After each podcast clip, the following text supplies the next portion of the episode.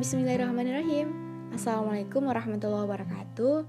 Masya Allah ketemu lagi dengan saya Nurhayuni dari podcast Mari Membaik Bersama.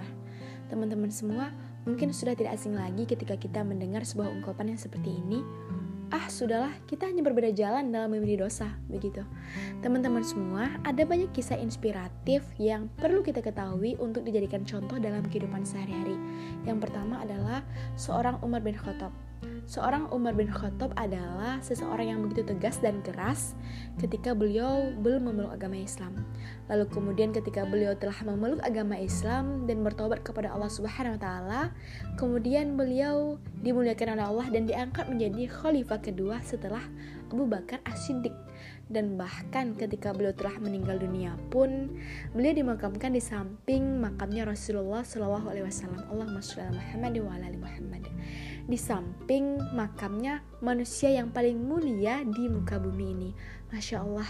Kemudian memasuki kisah yang kedua yaitu adalah kisah seorang Ma'iz bin Malik, yaitu seorang pezina yang datang kepada Rasulullah SAW untuk menyerahkan dirinya, kemudian meminta pelajaran dan meminta hukuman dari Rasulullah SAW.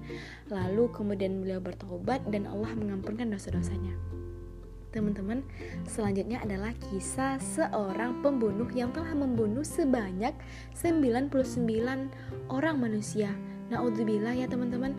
Nah kemudian ketika beliau hendak membunuh yang ke 100 kalinya Terlintaslah di benak beliau untuk bertaubat. Kemudian beliau bertaubat kepada Allah Dan ketika hendak di perjalanan pulang Di dalam uh, niat bertaubatnya Beliau meninggal dunia.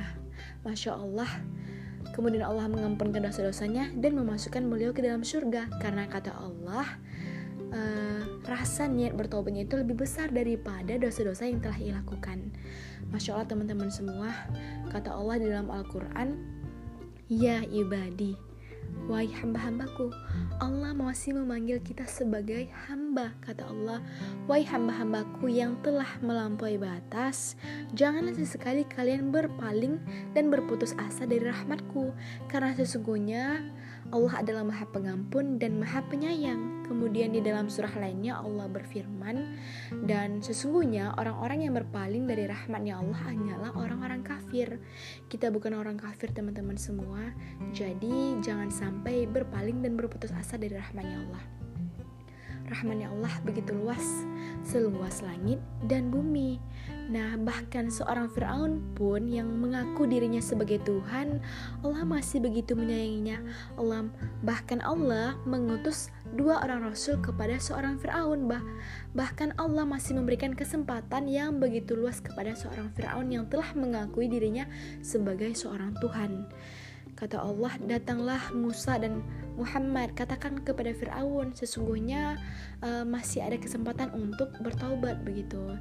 Nah, kita bukan seorang Firaun, kita tidak pernah mengakui diri kita sebagai seorang Tuhan. Itu tandanya kesempatan kita untuk bertaubat dan kembali kepada jalan yang benar kepada Allah Subhanahu wa taala masih begitu luas. Teman-teman, yuk jangan pernah berpersangka buruk kepada Allah, jangan pernah berpaling dan berputus asa dari rahmatnya Allah teman-teman semua, sesungguhnya Allah sangat mencintai hambanya yang menyucikan diri. Kata Allah, ketika engkau datang kepadaku dengan cara berjalan, maka aku akan datang kepadamu dengan cara berlari. Masya Allah teman-teman semua, ada nikmat yang begitu banyak yang harusnya kita selalu ingat dan kita tidak boleh lupakan begitu saja. Teman-teman semua, semangat membaik bersama. Semoga bermanfaat dan sampai ketemu di podcast selanjutnya. Assalamualaikum warahmatullahi wabarakatuh.